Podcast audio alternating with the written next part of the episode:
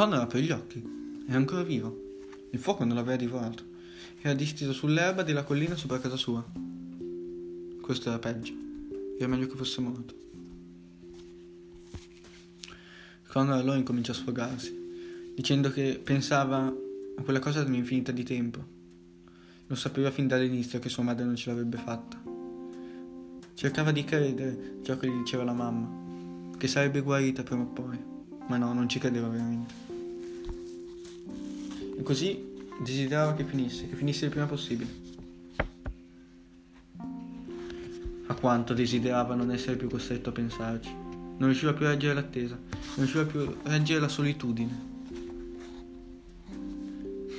In quel momento incominciò a piangere, più di quanto non avrebbe mai creduto di poter mai fare, ancora di più addirittura di quando aveva scoperto che sua madre era malata.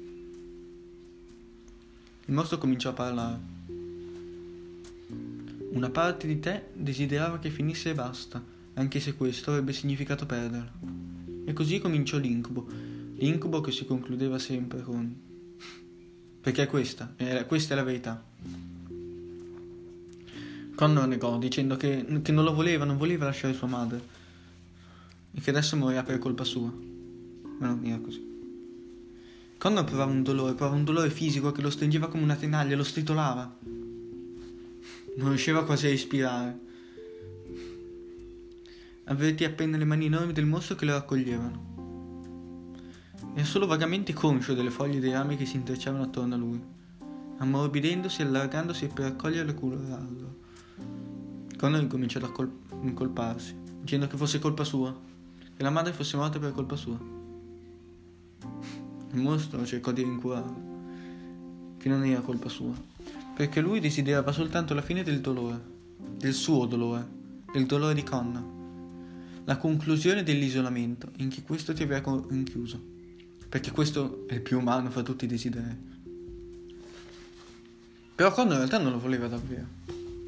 Sì, lo voleva, ma anche no, perché gli umani sono bestie complicate come nei racconti, come fa una regina a essere una strega buona e una strega cattiva allo stesso tempo, come fa un principe a essere un assassino e un liberatore, come fa un semplicista a essere avido ma anche saggio, come fa un curato a essere ragionevole e anche generoso, come fanno gli uomini invisibili a diventare ancora più soli rendendosi visibili. Perché alla fine non, non conta quello che pensi, conta quello che fai. La mente si contraddice cento volte al giorno perché Connor voleva che andasse in quel modo, ma nello stesso tempo non lo voleva, voleva salvarla. E l'unico modo per combattere la mente è dire la verità, proprio come ha appena fatto Connor. Era questo il motivo per cui si era messo a camminare. Per guarire Connor, non per guarire sua madre. Perché l'unica cosa importante è ciò che si fa. E così convinse Connor a dire la verità. Perché sì, credendo che fosse facile, ma non lo era. Che fino un attimo prima era pronto a morire piuttosto che dirla. Ma ormai aveva capito che non era sbagliato il suo pensiero. Si stava per addormentare tra le mani del mostro.